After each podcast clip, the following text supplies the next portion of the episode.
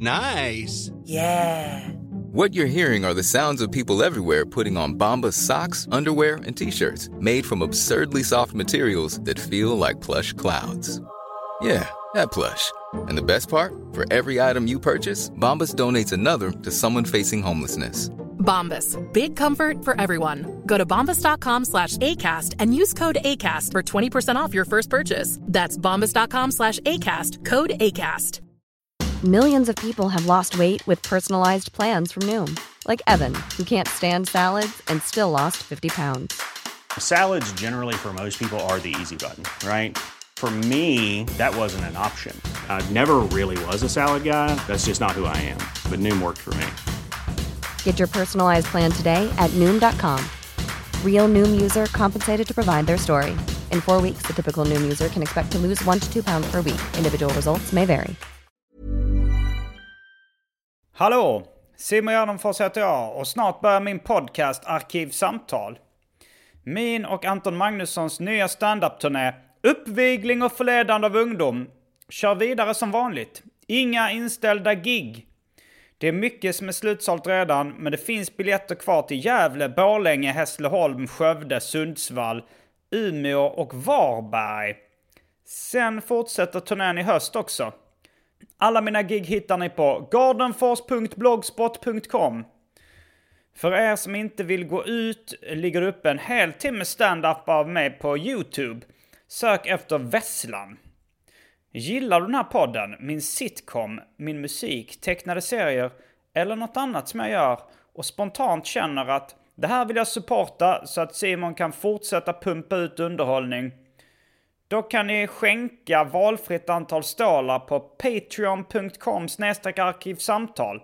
Eller bara swisha valfri summa till 0760 72 47 28. Jag blev väldigt glad och tacksam när folk stöttar min verksamhet. Ni kan också följa mig på sociala medier som Instagram och Twitter.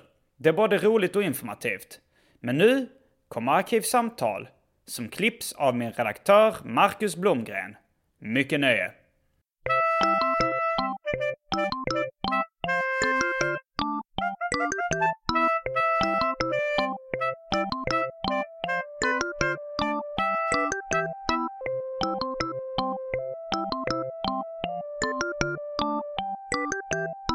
Hej och välkomna till Arkivsamtal. Jag heter Simon Gärdenfors och mitt emot mig sitter Pontus Gustafsson. Välkommen hit. Tack så hjärtligt. Idag så ska vi prata om uh, hiphop på svenska, svensk hiphop. Jag, jag, gjorde, jag var med i ett avsnitt av uh, sne, podden Snedtänkt med Kalle Lind. Där vi pratade om tidig svensk rap. Och då gick vi igenom ganska mycket så här vilka, vilka ans, kan anses vara först med att rappa på svenska och sådär. Eh, så det avsnittet kan jag rekommendera att ni också lyssnar på ifall ni är intresserade av riktigt tidig svensk rap. Då pratar vi mycket om humorrap och sånt också. I det här avsnittet med dig så ska vi kanske liksom ta vid där vi slutade i det Kalle Lind eh, avsnittet av Snedtänkt. Vi slutade ganska mycket då när uh, Latin Kings dök upp. För då ansåg Kalle Lind att då var hiphopen etablerad i Sverige på något sätt. Eller svensk hiphop. Men först kanske vi ska presentera dig lite Pontus. Uh, vem är du? Ja, jag äh, kallar mig för Dr. Gatuslang när jag är i hiphop-sammanhang. Eller Gatuslang då som är min svenska hiphop-podd som jag har hållit på med i snart åtta år. Men annars ja, är jag... Du började samtidigt som Arkivsamtal? Ja, augusti, 31 augusti 2012 gick första avsnittet Nästan ut. exakt samtidigt som Arkivsamtal. Ja. Det var också sommaren 2012.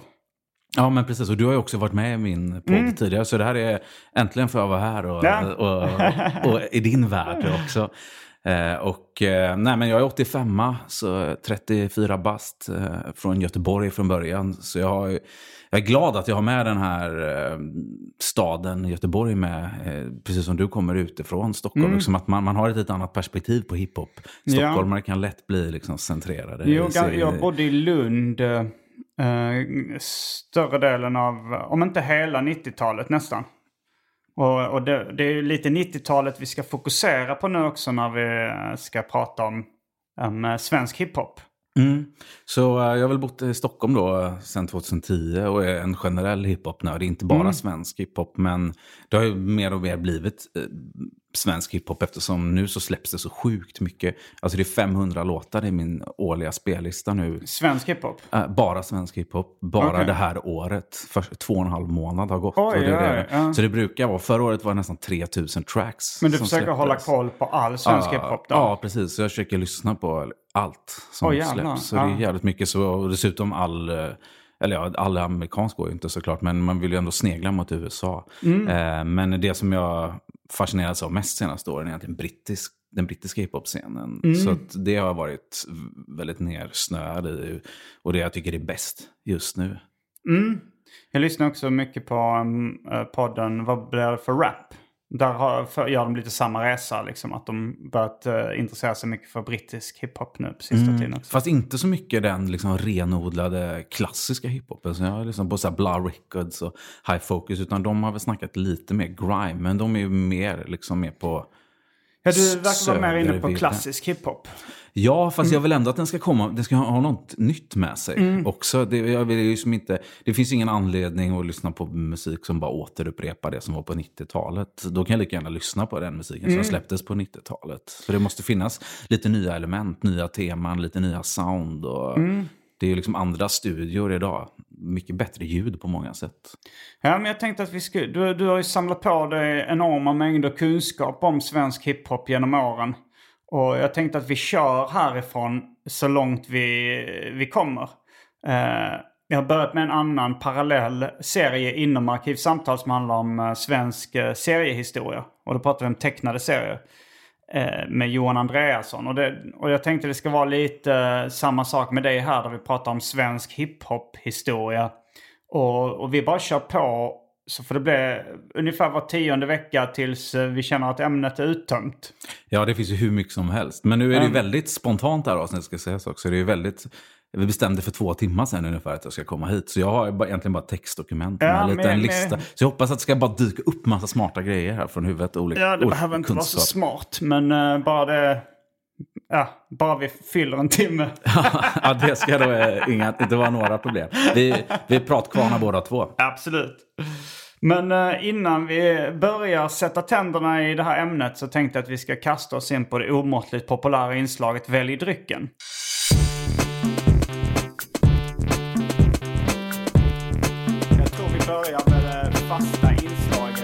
Inslaget Och här kommer uh, alternativen. Ett av dem har du tagit med. Gin och tonic. Kan, blanda, kan kanske delas upp i gin och i tonic om man vill också. Uh, sen har vi sherry, vi har Fanta Zero, vi har hostmedicin av uh, märket Svarta Skägget. Vi har Heinz tomatketchup. Och det är faktiskt en hiphop-referens till varför det räknas som en dryck. Det är för att uh, det står på baksidan av Della Souls skiva Three Feet High and Rising. Att uh, jag tror det är True Goy eller Macios favoritmat. Food and beverage is ketchup. Och då sitter han med en flaska Heinz tomatketchup och smuttar på på baksidan. Uh, sen har vi Malibu. Vi har häxblandningen, det vill säga alla drycker som fanns i min kyl innan ni genomgick en så kallad corporate rebranding. Och för tråkmånsar och nejsägare, vatten. Vad väljer du? Man får bara välja en eller? Nej, man får välja fler om man vill. Alltså jag har ju tagit med mig gin och tonic ja. själv och citron. Mm. Så det, självklart vill jag ju dricka det då eftersom ja. Eh, ja, det är gott och vi, det är fredag idag och klockan ja. är efter lunch. Så det är bara att kicka igång. Tänker ja, nej, men det... sen vill man ha vatten också tänker jag. Ja, Okej, okay. så du... Ehm, ja, du... Varannan vatten. ja, men då kör jag... Jag kör gin och tonic fast utan vatten. Mm. Okej, okay. då är vi strax tillbaka med dryckerna. Kända från det omåttligt populära inslaget Välj drycken. Häng med!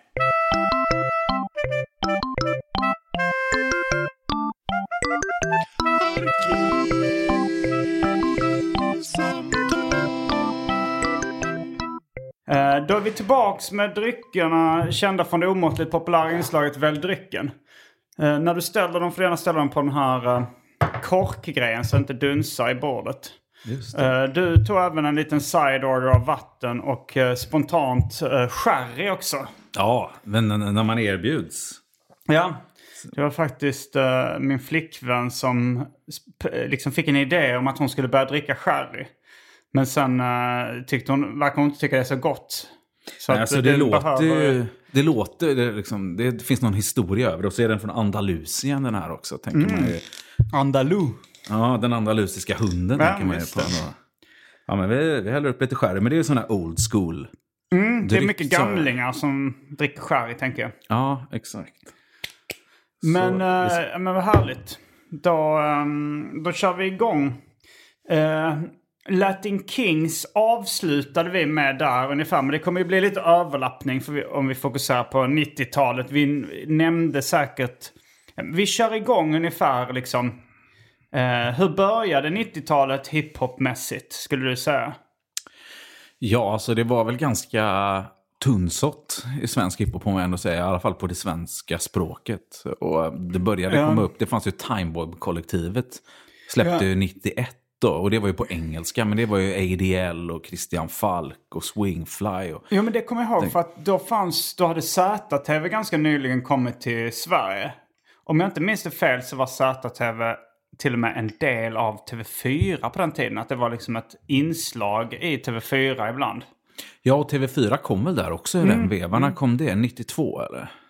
Det kanske det kom. Och då kommer jag ihåg att uh, men ADL och Swingfly och de var med. Jag tyckte de, de var med i tv, jag tyckte de var coola. Och de, de snackade om att de skulle...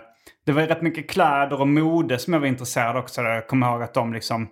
eh, De snackade att de skulle eh, öppna Time Bomb Store i Stockholm. Det vet jag inte om de gjorde nå, eh, Jo, det var en klassisk butik som låg vid Ja. Sankt Eriks Men som. ADL uttryckte med som Dope Gear from the States. Exakt. Så var det väl Ewing-skor och typ... Ja, jag tror det var DJ Sleepy och så Gordon Cyrus jobbade i den här butiken. Och så hade de lite afrofrisör. Och, Okej, och, så de öppnade den. Jag bara hörde om den, liksom, att Mm. de funderade på att öppna den i, i liksom, när de var med i ZTV eller TV4. Men det var ju så coolt liksom, i den butiken så folk vågar knappt gå in. Ah, du vet, det är som eh, om man inte är van vid de här fina butikerna på Östermalm. Man går inte in i sådana butiker och bara liksom tittar på mössor för 4 000. Nej, just det. Det är den känslan. Fast här var det liksom hiphop. De åkte och köpt, fyllde sina resväskor. eh, Ungefär på den. Jag tror inte Mm. De det fanns... importerade på det sättet. Ja, jag tror inte det fanns distributionskanaler. Alltså du kunde inte köpa Men- eh, kläder.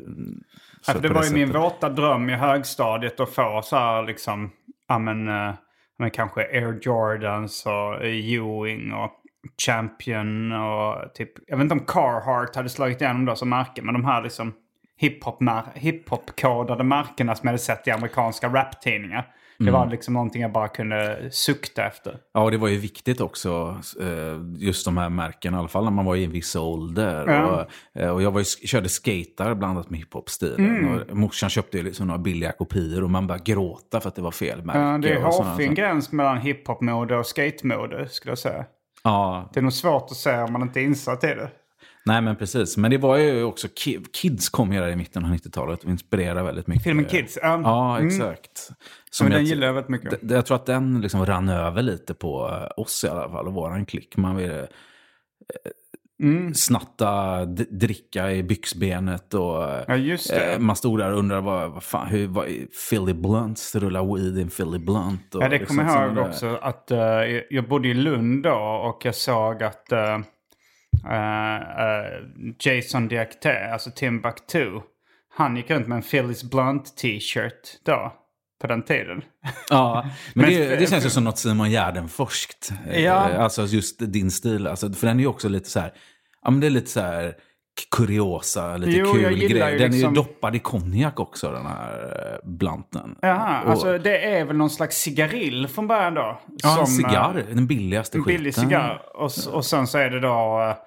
Eh, ja, men inom hiphopkulturen eller sådär så, så rullar de upp den och eh, fyller med lite marijuana och sen rullar tillbaks till den. Och så Ja. blir det en Phyllis Blunt då. Eller Phyllis Blunt kanske man kan röka utan att ha marijuana i också. Att det är kanske bara cigarren som heter Ja, du kan, ja, du kan röka den, men det, det är väl liksom det billigaste alternativet. Så visar han här i Kids hur man liksom knäcker upp den i mitten, tömmer ut den. Jag tror att många Mm. använder den. För samma period kom How to Roll a Blunt av Redman också. Så det var mycket, det var på den, det var innan YouTube-kurser Mm. och kunskap via YouTube. Så då fick man ta det i långfilmer och låtar istället. Mm. Men Timbuktu var ju rätt tidig eh, rap, eh, rap på svenska också på 90-talet. Men han i och för sig, han kanske inte började rappa på svenska förrän uh, Petter Ja, det är kom ju- då. Det, det är rätt sent, det är 98 typ. Ja, Rulla med oss var Timbaks första vers på svenska och den kom 99. Som han, Mm. Det där där finns ju en bra story. Han tror han ringde på fyllan och rappade den här till Petter i någon telefonsvarare. Och. Mm. Petter hade bara wow, den här måste du komma upp och lägga. Och så blev han ju en del av Nacho Ban där.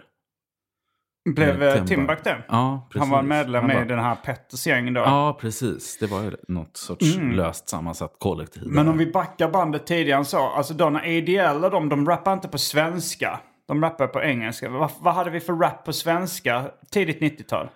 Ja, om vi ko- ko- kollar precis där då, 91, 92 kanske, Mm. när vi trippar över där, så är det ju, då har ju Latin Kings varit med i Rap-SM. Ja. Eh, som de kom, eh, jag kommer inte ihåg exakt vilken plats som det Tvåa är. tror jag de kom. Två eller tre någonstans där. Och Gordon Cyrus plockar upp dem där och de börjar spela in. Och vilka var det som vann det? Eh, jag tror att det var, det var Infinite Mass. Mm, det är mycket möjligt. Jag, Och de då- rappar på engelska. Precis. De hade ju den där Shoot the Racist som sen blev Area Turns Red. Precis, och de gjorde ju en hel omvändning. De var ju egentligen East Coast och liksom lite Britcore och körde ganska hardcore hiphop-stilar. Kallas det släpp- Britcore. Ja, precis. Så här, lite brittiskt snabbt. Så här, det dundrar fram som ett tåg. Liksom, om man så här. Det är ett uttryck jag inte känner till. Nej, okej. Ja, men det, det var stort i, på västkusten i Göteborg. fanns det mycket. Det var hijack. Och, Alltså redan på 90-talet då? Ja, kom- liksom 89, 90, 91, 92. Eh, Brigade har du från Göteborg. Gubbs Ja, Brigaden, de, ja. De rappade Britcore, deras tidiga grejer. Okej, för det, det var ju då, det var 90-tal och det var rap på svenska. För gubb, eh, de hade ju en, jag kommer ihåg att de hade en eh, hit som heter Hoppa dansa. Precis. Hoppa men, dansa, gör vad men du då vill. var inte Gubb med i gruppen Nähä, än, okej. utan han Vilka var det joinade- som var med då? För de, de hade ju en hit som gick på radio och tv då liksom. Jag vet inte vilka, vilka ra- tv-program som fanns då som spelade hiphop-videos eller musikvideos överhuvudtaget. Men Mm, ja, men det var ju, eh, t- det var ju tre rappare då. Eh, där- hette de Brigade? de hette 3S. Ja, 3S hette den gruppen ja. Mm. Precis, och, då, och där var ju så att PS, The Marginal Error, eller Racklas, eh, han var liksom deras grupps Ice Cube kan man väl säga. Han skrev liksom alla låtar. Mm. Och sen var det Kristus som producerade, som var med i Brigade. Och som också har producerat till PSTQ bland annat. Och... Exakt. Mm. Och sen var det en kille som hette Dan. Och, eh, och Han, han artistnamnet Dan. Ja, nej, jag kommer inte ihåg vad de Att, hette. vad hette den De hade- första? För det var så långt det där. eh, Du, vad, vad, vilken var den första snubben du nämnde i 3S? Jag häng- PS, The Marginal Error, het, kallar han sig. PS, the marginal error. Ja. Okej, han och sen Dan. Exakt. Man hette Racklas då på den tiden. Dan hette Racklas. Okej. Mm. Nej, PS hette Racklas då. För att han racklar så mycket. Det är väl att man snackar skit. Liksom. Jaha, det är nog dialektalt. Man säger rackla ful. eh, Ja, säger nej, de det. Ja. eh, ser man nog inte utanför Men då, ja, men då är vi liksom framåt 94-95 där. Men om man ska se där till vad som fanns parallellt med Latin Kings Mm. med där i rap-SM då, så var det var ju just det.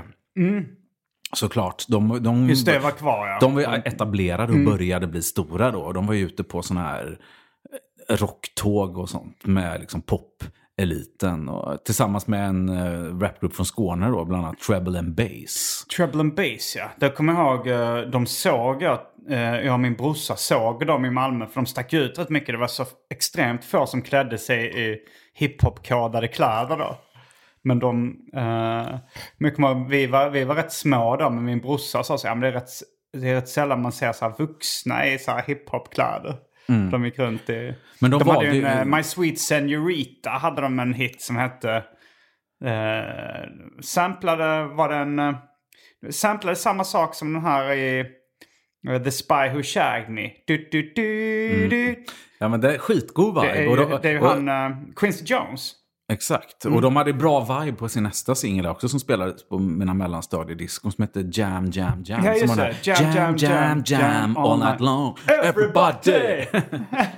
Just det. Så det, men det var också på engelska då. Det var det, eh, Mm. Men eh, det var ju just det. Och sen, och sen en eh, bortglömd, bortglömd grupp, grupp då som heter 1, 2, trevligt. De, de minns också, ett var trevligt. Det, de lät ju väldigt mycket som just det. Ja, Tyckte jag. det var ju Och där var ju Theodor Helligborg med. Han var det alltså. Eh, precis. Han, kallar, han, han hade ju något riktigt skönt eh, alias där också. Och det finns även en video som heter Min ryggsäck. Så de har gjort en låt om Mhm. sin ryggsäck då. Som man kan gå ut och spana i grynig kvalitet. Långt innan eh, eh, Skills gjorde The Million Dollar Backpack som handlar om ryggsäckar inom hiphopkulturen. Mm, exakt. Men, eh, Så- men Theodor Hellborg, alltså för jag har haft dålig koll på honom. Eh, han, har ju varit, han har ju gästat någon uh, Petter-låt va? Ja, han är med på uh, Petter vs Stockholm på Petters debutplatta. Och han är också med på Riddarna runt runda bordet. För han har fått lite revival i och med... Har, lyssnar du på Music Yearnings podcaster? Jag, vet, ja, jag hörde att de hade pratat om de här gänget där. Ja, nej, men det var väl... Är det inte Theodor Hellborg som pratar om att han vill att hans liv ska... Alltså de, de hakar upp sig på en rad han hade sagt som att... Han säger att han vill att hans liv ska vara som att suga på världens godaste pastill. Exakt. Det är en sån rad. Och han säger väl också, ska vara som att suga på världens godaste pastill. Nej, det, kan, Ja. det kanske inte just den raden Jag han har dålig säger. koll på originalet men, men liksom Arman Reinsson och Färska Prinsen snöade ju väldigt mycket in på den raden och, eh, och gjorde då en låt som heter Pastillkillen. Jag tror att låten heter det. Och, Ja. eh, och liksom har, har, har liksom verkligen snöat in på just den. Så det var så jag tänkte, Theodor Hellborg, det låter rätt bekant. Men han var som med i Ett var trevligt. Mm, precis. Och de, jag, jag för mig att de hade någon låt som var med på eh, liksom listan med Annika Enkell. Det tv-programmet som gick på 90-talet som spelar svensk musik. Men, eh, men, men och, och den låten var någonting i stil med att han hörde hur grannarna hade sex. Vilket jag associerar till... eh, jag hör hur de ligger med varandra på våningen ovanför. Alltså med han Kjell Höglund. Alltså nu, nu bara associerar jag fritt. Men jag för mig att Ett för trevligt hade en sån låt. Jag kommer inte ihåg just den låten. Men eh, de var ju lite så här just det och lite humoraktigt. Just Ja. eftersom de heter, de heter ju ett, med, alltså med siffrorna då. Ett, två och sen en trea, bindestreck, vlikt. Så det är tre, vlikt. Ja, ja det, och- men just det höll ju på mycket med sådana när de Exakt. skrev... Eh, ja, men också just det som stavas just och sen ett bara det. Det är också li, lite samma...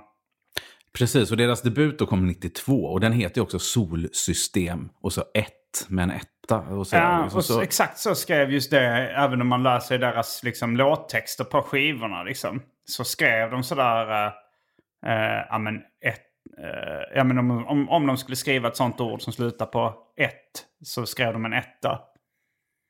Men eh, var, det fler rappare i ett var trevligt förutom Theodor Hellborg? Ja, jag försöker gå ut här på nätet lite och titta vilka det var. Men jag vet att det var en kille som heter Mike som jag, gjorde mycket musikvideor. Mhm. Eh, alltså mycket stora grejer. Jag tror eh, Mika Delica.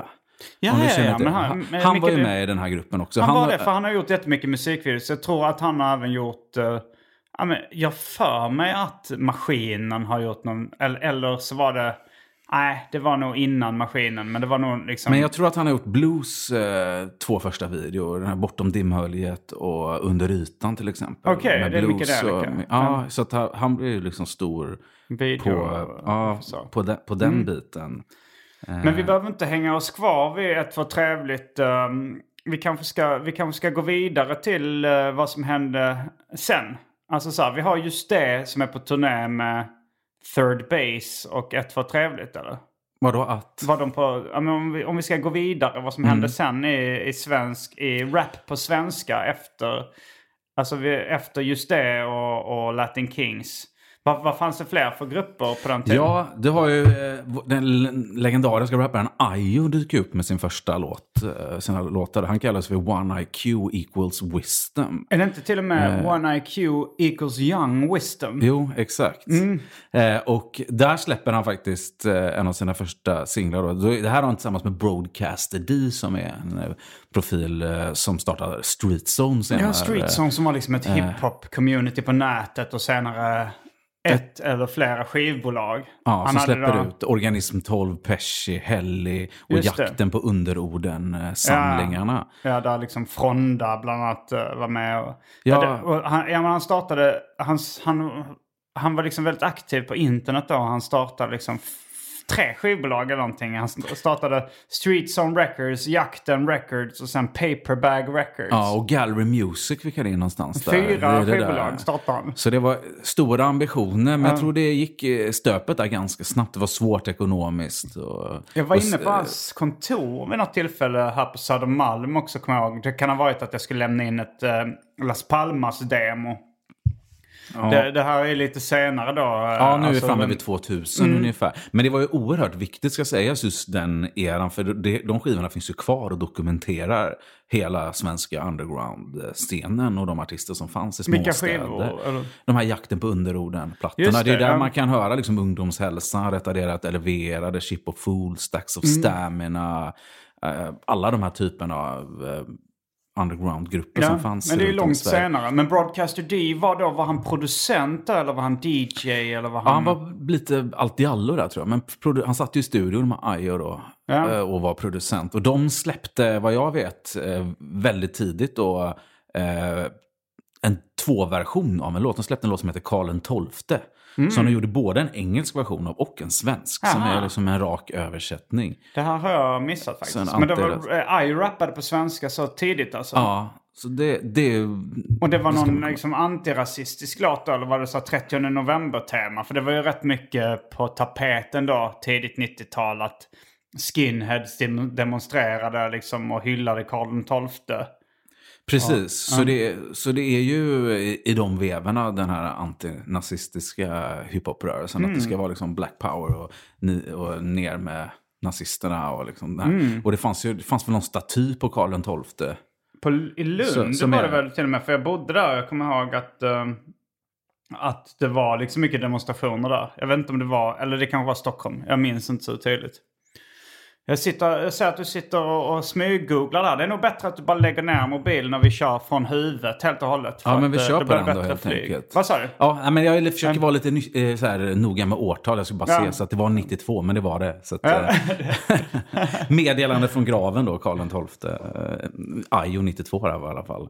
Vad hette låten Meddelande från graven? Ja, den heter Karl XII, inom parentes, meddelande från graven. Okej, och har du hört låten? Ja, jag har den på både CD-singel och på Okej, 7-tummare. Och vad, vad handlar den om? Alltså är det liksom, rappar han uh, ur Karl XIIs perspektiv då? Eftersom det heter Meddelande från graven.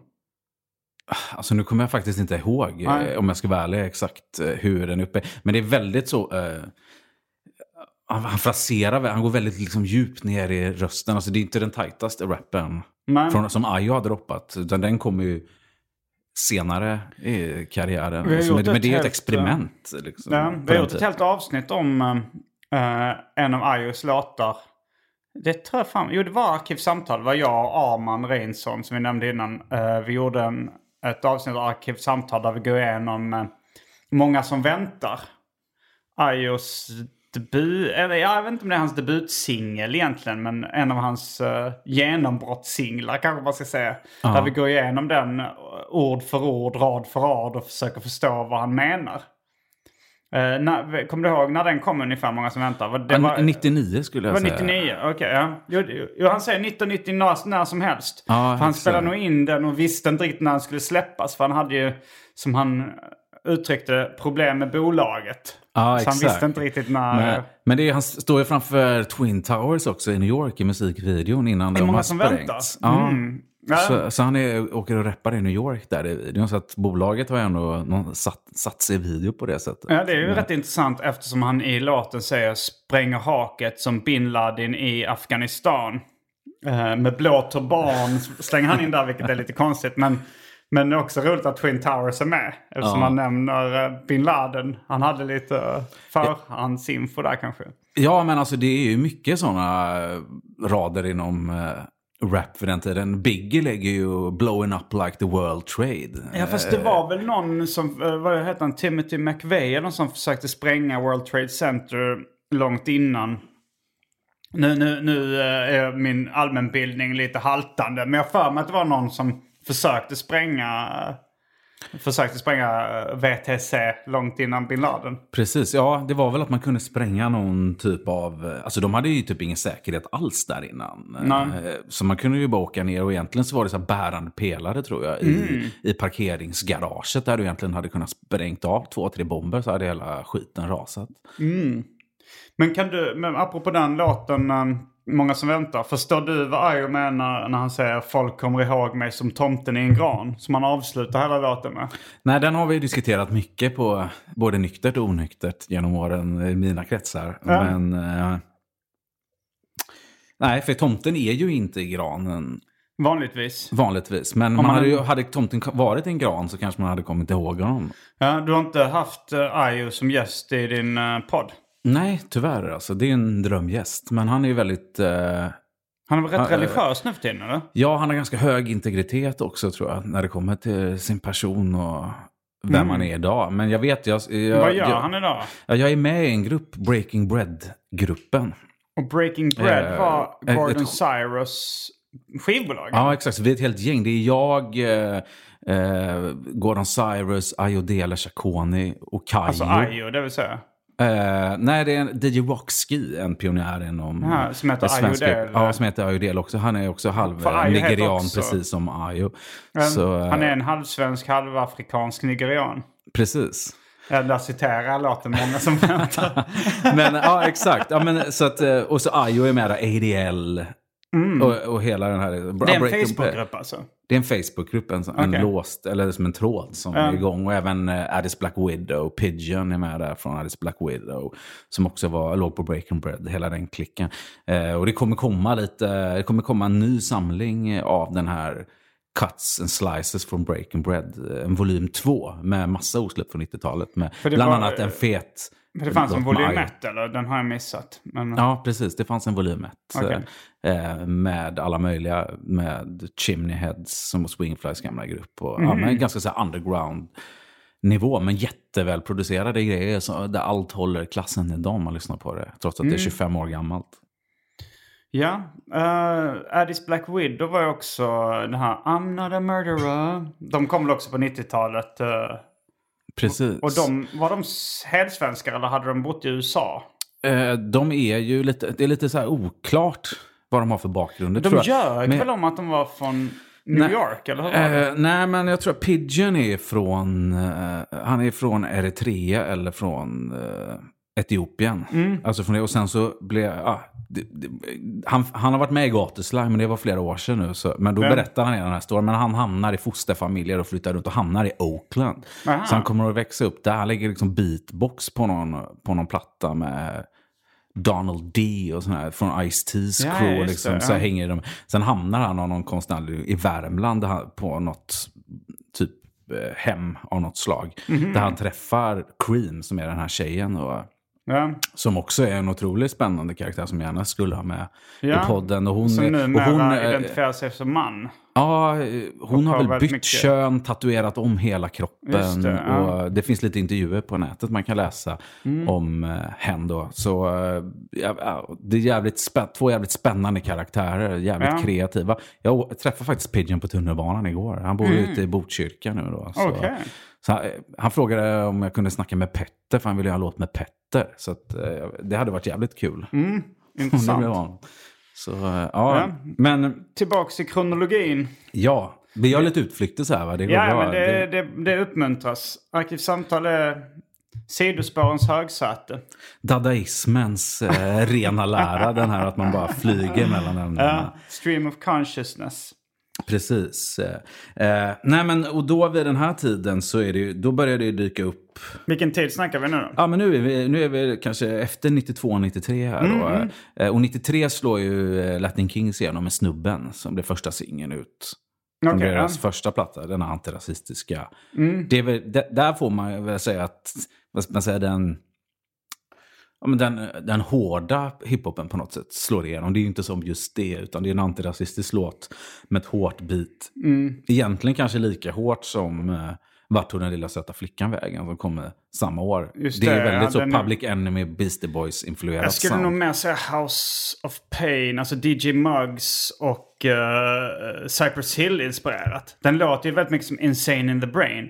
Alltså om du tänker på beaten till Vart tog den söta lilla flickan vägen. Ja. Jag kommer ihåg när jag, jag tyckte till och med när jag då var, eh, gick i mellanstadiet att det var lite av ett plagiat. Jag kommer till och med på skoldiskorna så brukar de mixa in de låtarna i, i varandra. Så här, eh, alltså Insane in the Brain och Vart tog den söta lilla flickan vägen? Och det, man hörde knappt när de liksom crossfadade över det. För det lät nästan exakt likadant beaten. Okej. Ja, jo, men det, det är väldigt likt. Men de var ju väldigt rockiga där, just det.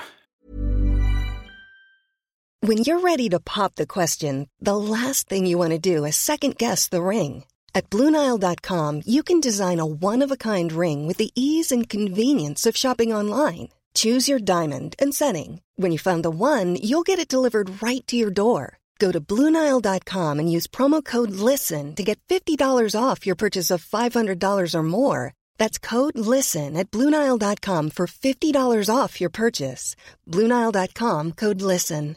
Quality sleep is essential. That's why the Sleep Number Smart Bed is designed for your ever evolving sleep needs. Need a bed that's firmer or softer on either side? Helps you sleep at a comfortable temperature? Sleep Number Smart Beds let you individualize your comfort so you sleep better together. JD Power ranks Sleep Number number 1 in customer satisfaction with mattresses purchased in-store. And now save 40% on the Sleep Number limited edition Smart Bed for a limited time. For JD Power 2023 award information, visit jdpower.com/awards. Only at Sleep Number stores or sleepnumber.com. Millions of people have lost weight with personalized plans from Noom, like Evan, who can't stand salads and still lost 50 pounds. Salads, generally, for most people, are the easy button, right? For me, that wasn't an option. I never really was a salad guy. That's just not who I am. But Noom worked for me. Get your personalized plan today at Noom.com. Real Noom user compensated to provide their story. In four weeks, the typical Noom user can expect to lose one to two pounds per week. Individual results may vary. Eh, men det hände mycket spännande grejer i den här perioden. Vet, har du haft Henrik Schyffert i din podd? Eller? Ja, För han var ju, jag vet inte om han berättar om de här grejerna då, men han gjorde ju Time Bomb-kollektivets video till Girls. Tror han var hans första video. Och där är ju Gordon Cyrus med och, och Ayodele, som vi pratade om, DJ Rocksky och Pappa D och Emrik Larsson från Stone Funkers och hela den här liksom Ja, nej, det kultureliten. Och sen gör ju han Vart tog den söta lilla flickan vägen, videon ja han också. den videon också. Okej. Precis, så Mm. han hänger ju de här kretsarna och det är så han kommer in och han glider in på ett bananskal och får spela bas i den här gruppen Whale. Jaha, okej. Som Gordon Cyrus producerar. Och de gör ju Aha. låtar med Mos Def och liksom allt möjligt. Och Whale hamnar rätt högt på typ, eh, eller de blir populära i USA också. Mm, exakt, och man kan liksom dra trådar. För det är Kia Berg som är med och sjunger. Och hon har ju det här programmet, eh, eh, presenterar det här Bagen. Poppy Top och Bagen. Ja. Precis, och de här eh, första introduktionen till hiphop. Så hon har ju hela tiden liksom hängt kring de här kretsarna. kring Mm. Vilka var. Whale förutom Kia Berg och uh, Henrik Schyffert? Var det... Och Gordon Cyrus var Han var det. med Sen, den också, ja, och sen var det väl några mer, men det är väl de profilerna jag känner till i alla fall. Där, och det var ju någon form av eh, fusion alltså av olika musikstilar. Mm. Där också är det, vet, Addis Black Widow är ju liksom inkopplad på något sätt. Och de Ja, jag skapar- såg de var med. Alltså hon Cream då uh, gästar väl någon låt har jag för mig. Ja, så det var väldigt så udda, kreativa, Mm. spännande projekt som pågick där. Jag tror att skivbolagen hade också ganska mycket pengar att kunna göra och finansiera ganska häftiga grejer. Um, Och var lite mer lekfulla. på ett Mm. annat sätt. Precis. Men jag menar, Latin Kings eh, regerar ju den perioden och kommer där med, 94 kommer ju de med debutalbumet. Mm, det var så sent alltså. De kom... Uh, välkommen till förorten. Mm. Precis, och har de ju haft snubben ute där. Um, Så eh, det är de, och just det, mm. just det har ju liksom inte släppt den här eh, plastskivan än. 95 kom ju den med Mm. Hubba Bubba singeln och de här riktigt stora hitsen som spelar hela tiden. Och Jul igen kommer väl där 94 någonting. Okej, okay, ja. Den som fortfarande har, det har blivit en sån stapelvara nu inom julmusik. Att de, den återkommer varje jul. Nu är det jul igen. Vem är det de samplar där? Det är någon Alice Babs eller någonting. Ja, men de är jävligt roliga på det sättet att de är trogna till svensk kultur. Att de bara samplar svensk Ja, de gjorde väl det musik. fram till en viss punkt har jag hört. Och sen så tror jag att de gav upp lite och sa nu samplar vi även utländsk eh, musik eller amerikansk Ja. musik. Men det är kul liksom för dig tänker jag och för Kalle Lind och den här typen av människor att höra alla de här. Åh, åh. Du vet i den här uh, Granna-låten så samplar de ju eh, från Karl-Bertil Jonsson. Här. Tyst, jag ser på tv. Toivo Pavlo som uh, jag och min storebrorsa snöade in rätt mycket på. Han var även berättarrösten i Picassos äventyr och han läser in uh, Loranga Massarin och D'Artagnan. Vi, vi kände bara till honom som röstskådespelare i sån här barnkultur men han lär ha varit rätt uh, stor liksom Dramaten och filmskådis också. Vem då? Toivo Pavlo, det är han som säger tyst, jag ser på tv. Ja, det är det. Okej. Eh, ja, för som jag vet då- att ni pratar om Peter Harrison här som man har hört. Han, Han har spelar varit ju gäst alla... i den här podden också. Ja, exakt. Nej, Men han spelar ju alla eh, tjocka romare i Asterix och Obelix. typ. Ja, han så här, spelar även. Katte Nisse och Farbror Nilsson och sådär. Ja, verkligen kul alltså. Alltså från eh, Dennis, Farbror Nilsson. Ja. ja, men precis.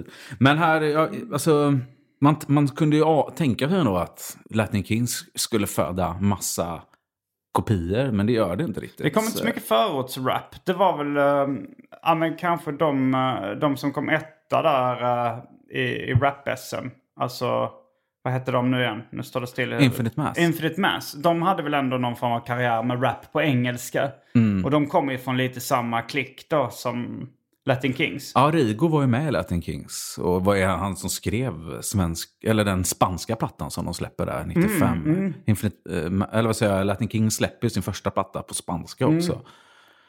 Och det gänget var väl också eh, med och startade Topaz som var skivbolag där ute. Ja, och, Ja, som proddar Ayo-låten, Många som väntar till exempel. Just och de här det. grejerna. och, och de... Jo, så- jo, jag tar tillbaka det fanns mycket förortsrap. Alltså Ayo och Ken och sånt började väl på 90-talet också. Jo, men det- inte, de fick ju aldrig släppa plattor. Liksom, man kunde ju tänka sig att så här, nu går Latin Kings bra. Mm. Nu måste vi signa massa liksom, förortsgrupper. Men det var väl lite att Latin Kings halvfloppade med sin andra skiva som kanske gjorde att, det, de, att skivbolagen tänkte att det inte var så hett. Och sen så sent, sen var det väl när Petter gjorde succé 1998 då med eh, Mikrofonkåt och, och sen hans liksom debutalbum. Då började skivbolagen eh, leta upp dem, liksom Ken och Ayo och de här. De, de försökte de hitta mer rap på svenska som kunde sälja. Jo, precis. Och då började väl folk eh, fatta att det går att sälja på svenska. Mm. För alla hade ju kört på engelska, även Ken och de här. Ja. Ehm, men eh, det dyker upp i alla fall en platta, om vi ska prata svensk rap på Mm. mitten av 90-talet. En snubbe som heter Bengt. Ja, och det, det minns jag vagt. Jag har för mig att han släppte en låt som heter Baklängesdunk.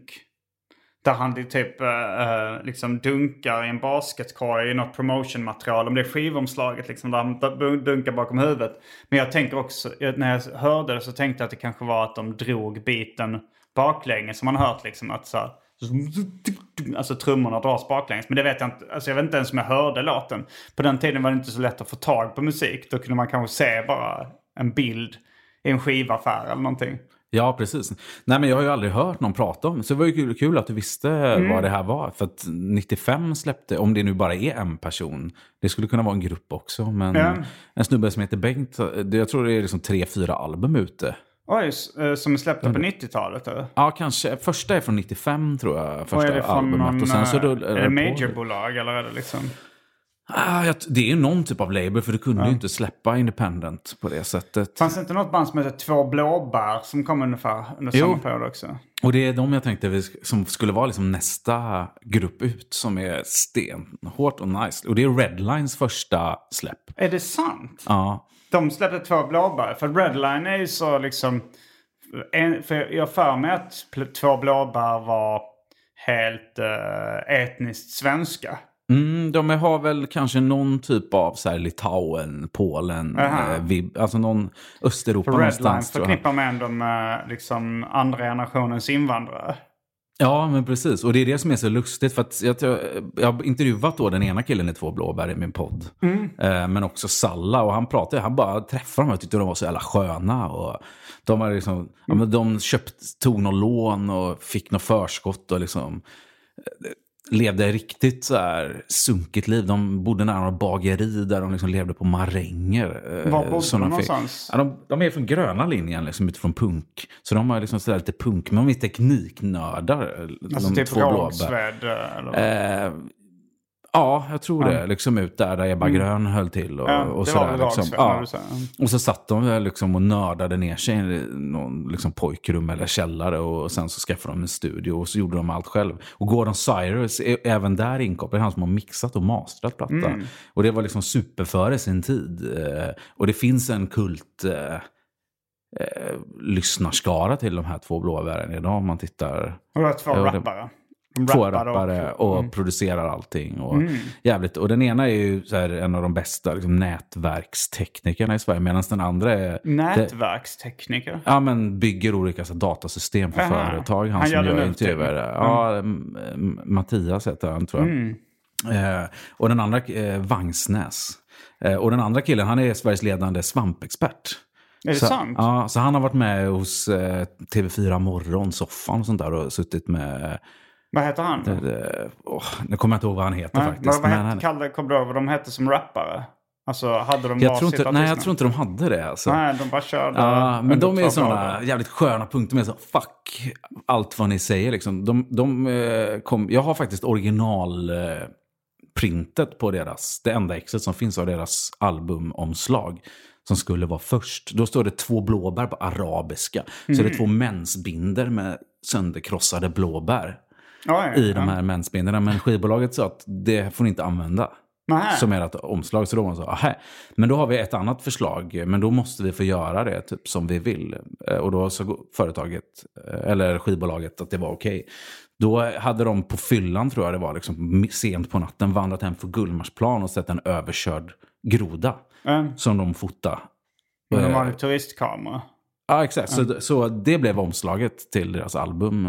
Eh, en överkörd groda i. Gullmarsplan. Men det var Redline som var skivbolaget eller de, Redline var en imprint av ett större skivbolag? Ja, exakt. Det var typ Mega Records eller något Mm. tyskt bolag som hade liksom sista ordet. Redline var väl liksom distributions... Men, men det var det kanon. första som släpptes på Redline efter Latin Kings eller? Var Nej, det första overall. för Jaha, att, så eh, att Latin Kings startade skivbolaget Redline Records? Mm, eller eller precis. Salla kanske. Exakt, 96. Och, och så innan han släppte liksom Latin Kings egna skivor så släppte han då två blåbär. Ja, Och de- exakt. Och sen så kom eh, Botkyrka Style i 12 tror jag var första liksom, Latin Kings. Innan eh, andra Mhm. albumet kom. I skuggan av betongen. Okej. Ja men intressant. Men det kan inte blivit någon jättestor succé, två blåbär, för att de har ju inte gjort så mycket väsen av sig som rappare liksom. Nej, alltså det var ju jävligt udda liksom att ha med dem. Jag tror, jag köpte någon Okej-tidning tror jag det var. Eller om Mm. det var Frida eller någon sån här liksom. Eh, det kanske var Okej. Då fick man ju med någon sån här blandskiva med lite samples från olika artister. Och Mm. då var det den här Jag vill dö idag. Som jag tror är med på Nattbuss 807. Kommer du ihåg den? Är det en två Den- blåbär-låt som heter Ja, Jag vill dö jag idag? vill dö idag. Är det någon idé? Vad är det som är bra? Ja, men vet, den går... Och den är jävligt fet, jä- jävligt hård, Som är med supermörk. Så här 807, själv- den- Ja, med så här den- självmordsskrik och liksom, du vet, så. Och den ligger liksom in lagd mellan liksom låtar med Drömhus och vad heter Mm. de, Solid Harmony och vad det nu var på den tiden. Liksom. Och det var inte bara svensk musik då? Ja, men de är ju svenska tror jag. Solid Harmony också? Är de inte det? Jag tror det. Jag, jag, jag, jag, Kanske från Danmark eller något. Liksom. Ja.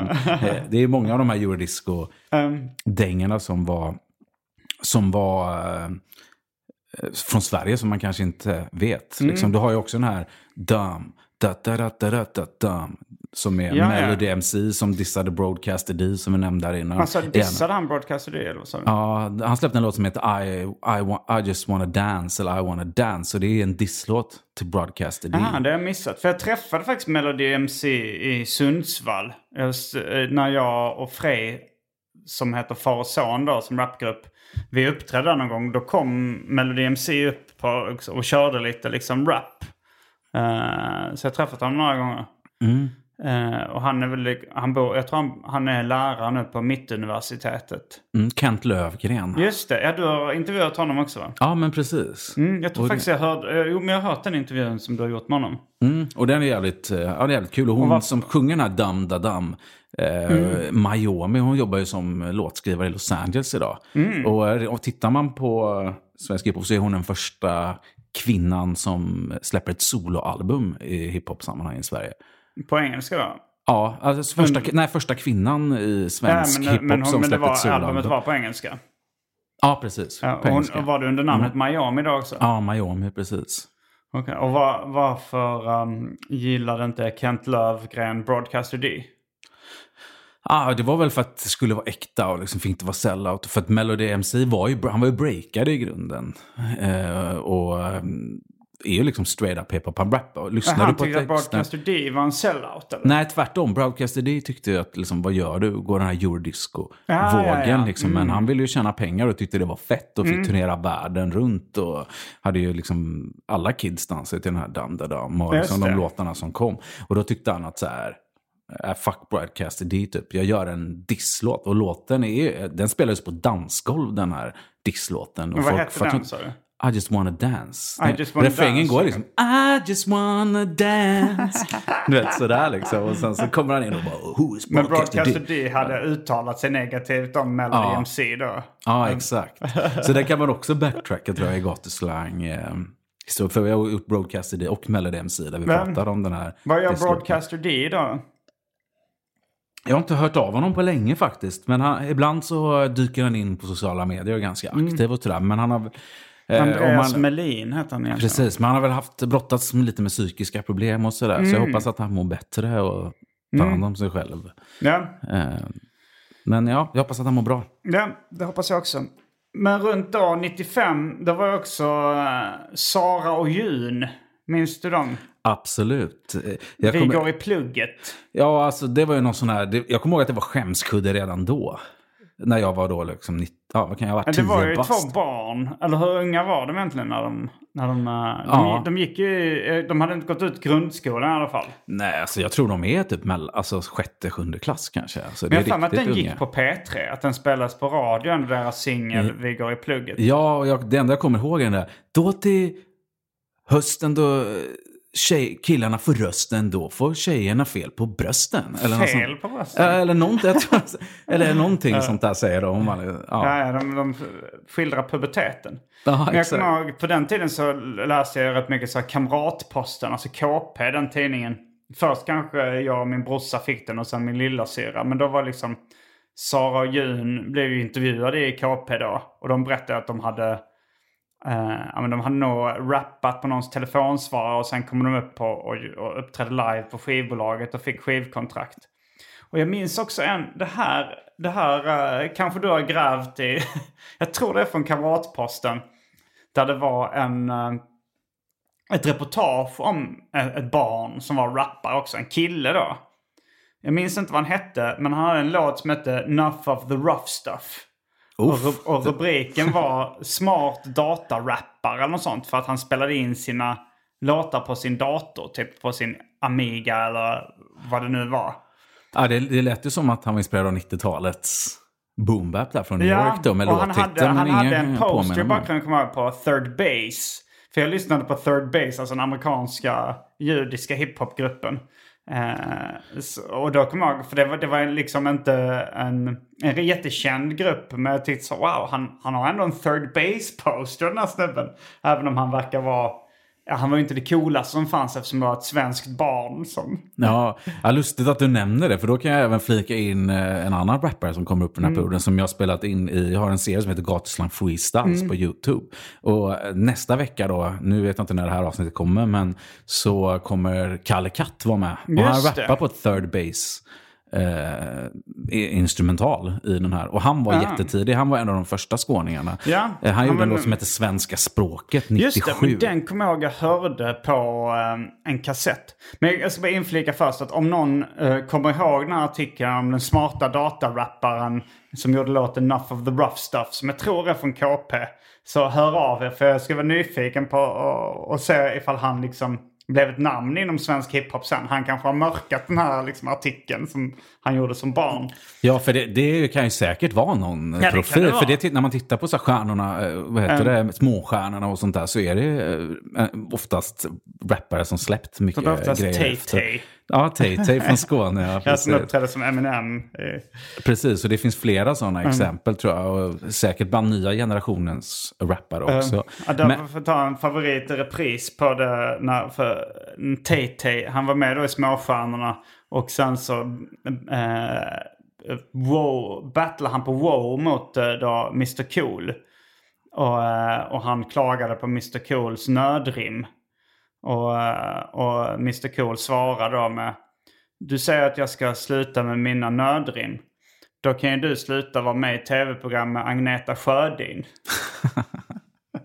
Ja, härligt alltså. Men eh, på, tillbaka till Sara och Jun Sara där. Jun, då, ja. Så kan jag även inflika att Ison är med på två låtar från Ison och Fille. Där han, där han rappar på svenska då. Eh, innan På Sara och. Jun. Han måste ju varit barn på den tiden också.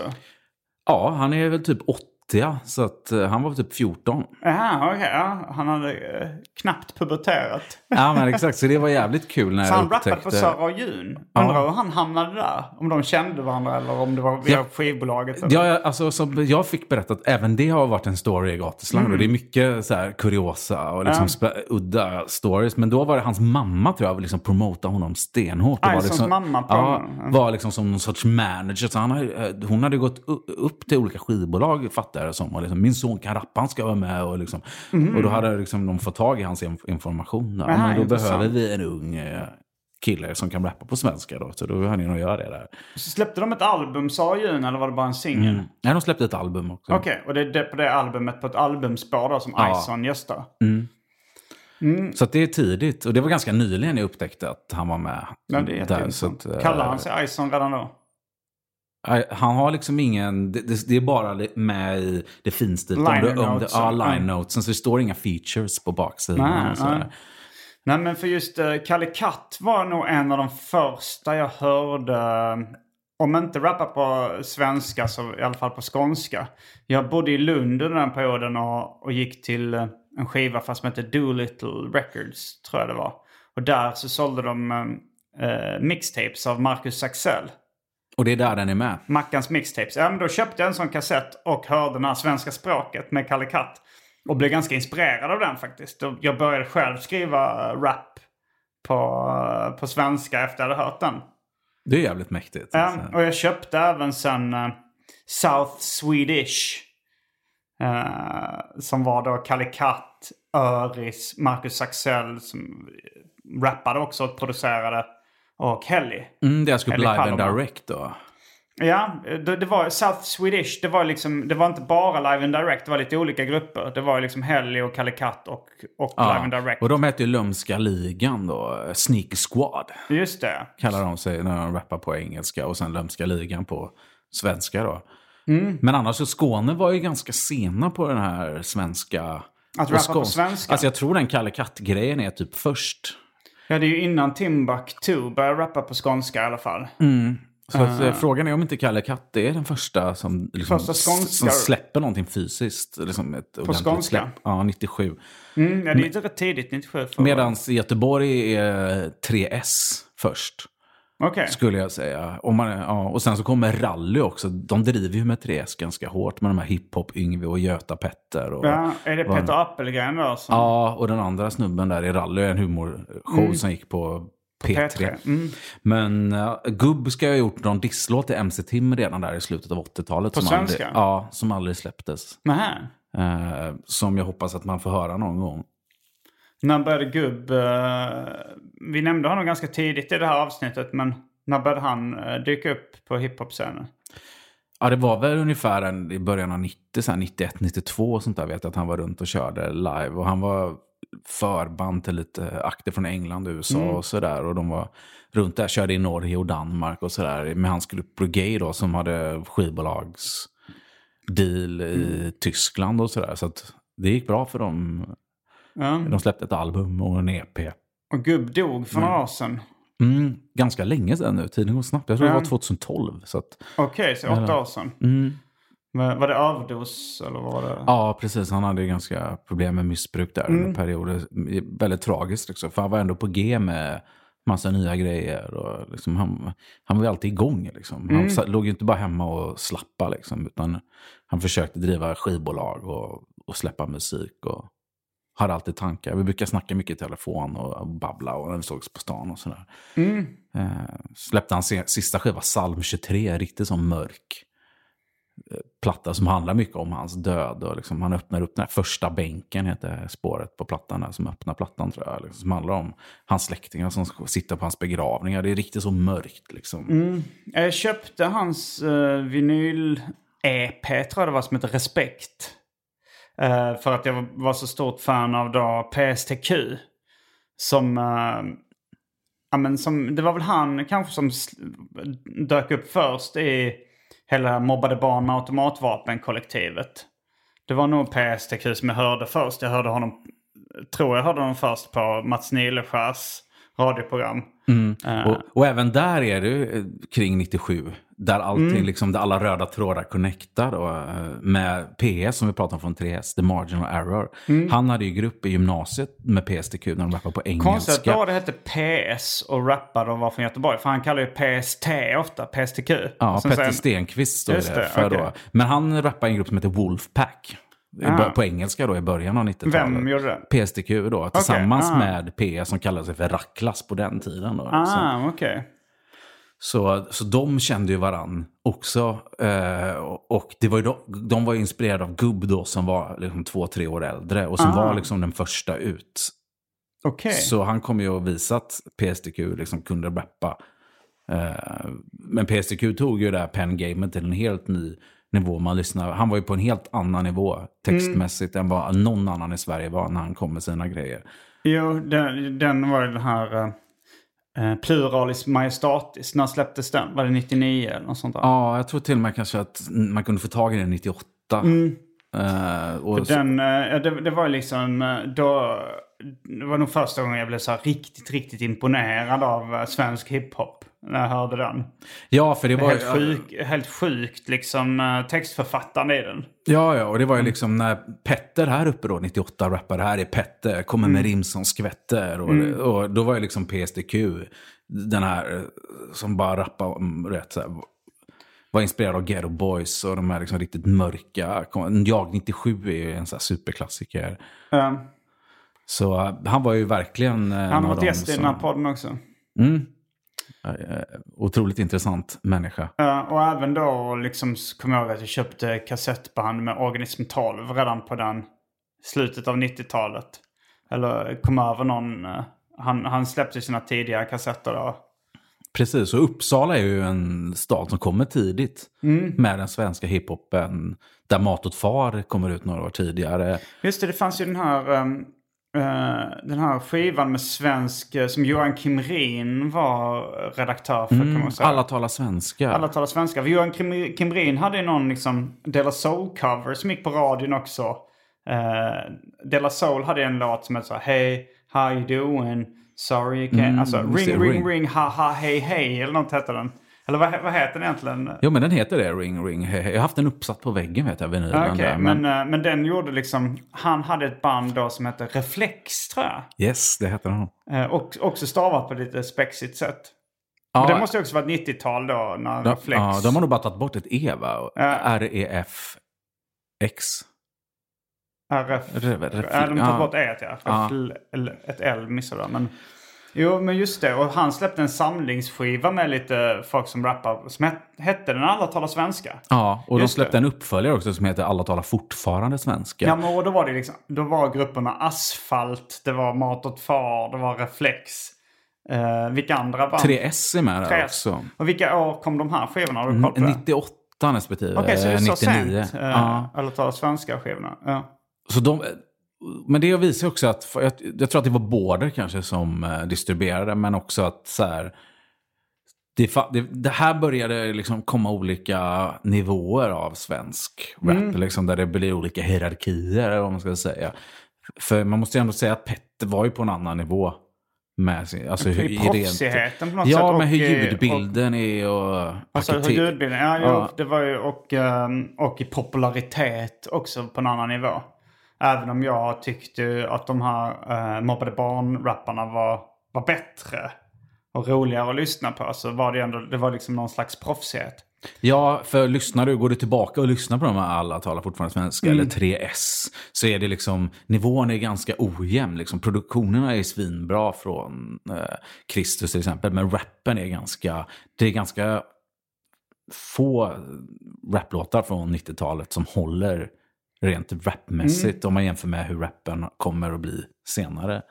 Men du minns också Robert Blom, för han hade väl också ett par uh, radiohits på 90-talet. Eller hits kanske jag tar i.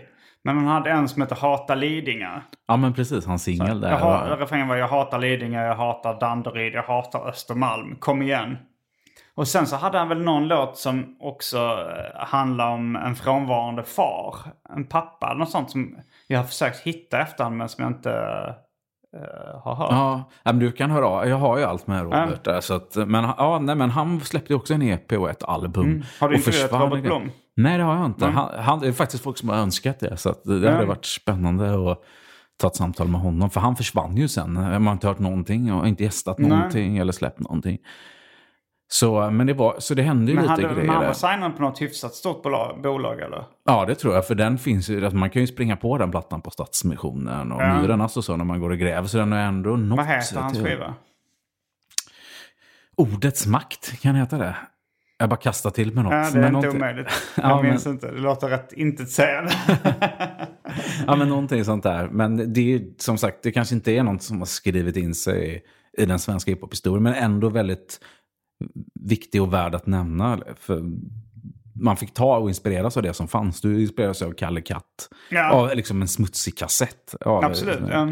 Så jag menar, man, man fick ju ta det Ja, mina kompisar gick direkt och började skriva raptexter. Och han var ändå, jag tror Kalle Katt är lika gammal som jag eller ett år. Uh, alltså han är inte mycket äldre. Det var ändå så här, Han fan. kanske är 77 va? Ja, typ. kanske det. Eller 70, ja jag vet inte. Men, uh, men han kommer inte från Lund utan han var väl från Eslöv eller Hör eller något liknande. Ja, Eslöv tror jag han är från. Ja. Så att han hängde ju med Marcus Axel och T.R. då, Öris. Ja, intressant då, um, att um, ja, men Kalle Lind är också från Eslöv och Johan Glans. Men jag, tror, uh, jag är osäker på om deras vägar har korsats. Nej, men Eslöv har ju väldigt hög procent profiler. Mm, har de inte mm. det för storleken? Jo, det borde de ju ha. Kanske något i vattnet där. Ja, men också att, det, att de har liksom det här komplexet att eh, de kanske lite orättvist har blivit någon, vid något tillfälle framröstade som Sveriges tråkigaste stad. Så att de blev liksom en punchline i, i många sammanhang. Att det är så här. Då kanske de, de, eh, dels är ju tristess ofta en inspiration. Att om det inte finns så mycket att göra eh, och roa sig med så kanske man då tvingas att syssla med lite kreativa projekt. Men sen kanske man också har det här liksom eh, underifrån underdog-perspektivet. Om man anses vara Sveriges tråkigaste stad så, så kommer liksom den som anses vara Sveriges roligaste just nu, Johan Glans därifrån. Det kanske är en sån där komplex som födde ja. det. Sen kan man ju fråga sig hur rolig Johan Glans är också kanske. Ja, jag tycker ju han är väldigt uh, skicklig komiker. Nu, nu tror jag, kan, nu tror jag liksom andra komiker har spring, sprungit om honom. Alltså nu har det dykt upp så många nya som är roliga. Men ett tag har jag tyckt att han var Sveriges roligaste ståuppkomiker.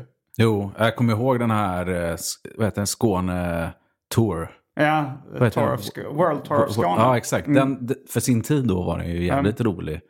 Han skämtade om Hjärup till och med. Men, han är, han är, han är, men jag tycker han, det känns som att han är för snäll för dig. Som komiker? Alltså, jo, du är men jag uppskattar, jag uppskattar inte bara grov humor. Utan jag uppskattar även kvalitetshumor som inte är grov.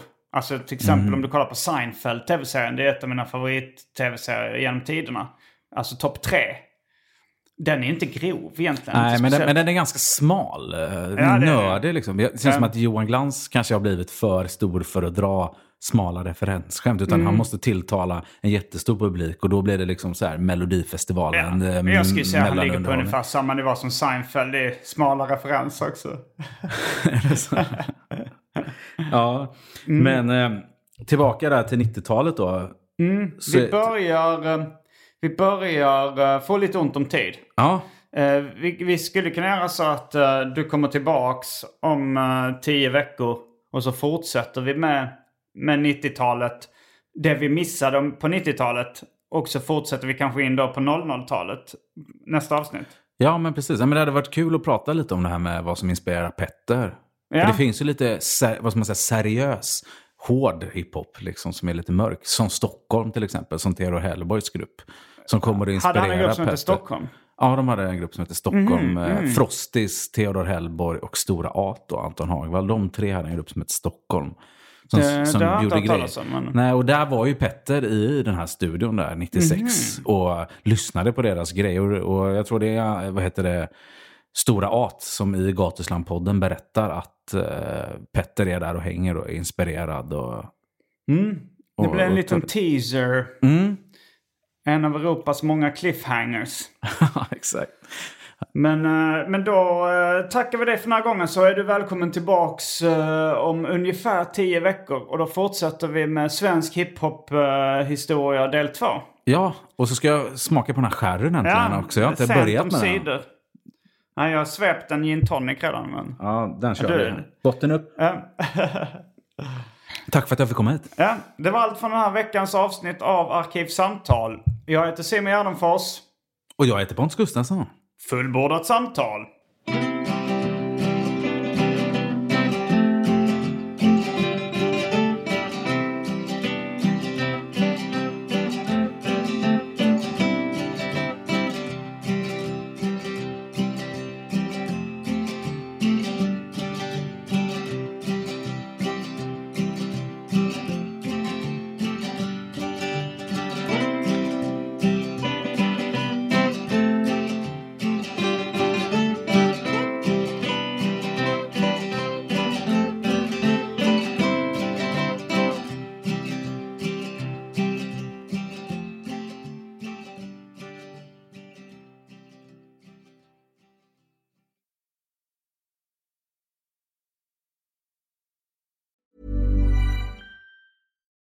Normally, being a little extra can be a bit much, but when it comes to healthcare, it pays to be extra. And United Healthcare makes it easy with Health Protector Guard fixed indemnity insurance plans. Underwritten by Golden Rule Insurance Company, they supplement your primary plan, helping you manage out of pocket costs without the usual requirements and restrictions like deductibles and enrollment periods. So when it comes to covering your medical bills, you can feel good about being a little extra. Visit uh1.com to find the Health Protector Guard plan for you. Mom deserves the best, and there's no better place to shop for Mother's Day than Whole Foods Market. They're your destination for unbeatable savings, from premium gifts to show-stopping flowers and irresistible desserts. Start by saving 33% with Prime on all body care and candles. Then get a 15-stem bunch of tulips for just $9.99 each with Prime. Round out Mom's menu with festive rosé, irresistible berry chantilly cake, and more special treats. Come celebrate Mother's Day at Whole Foods Market.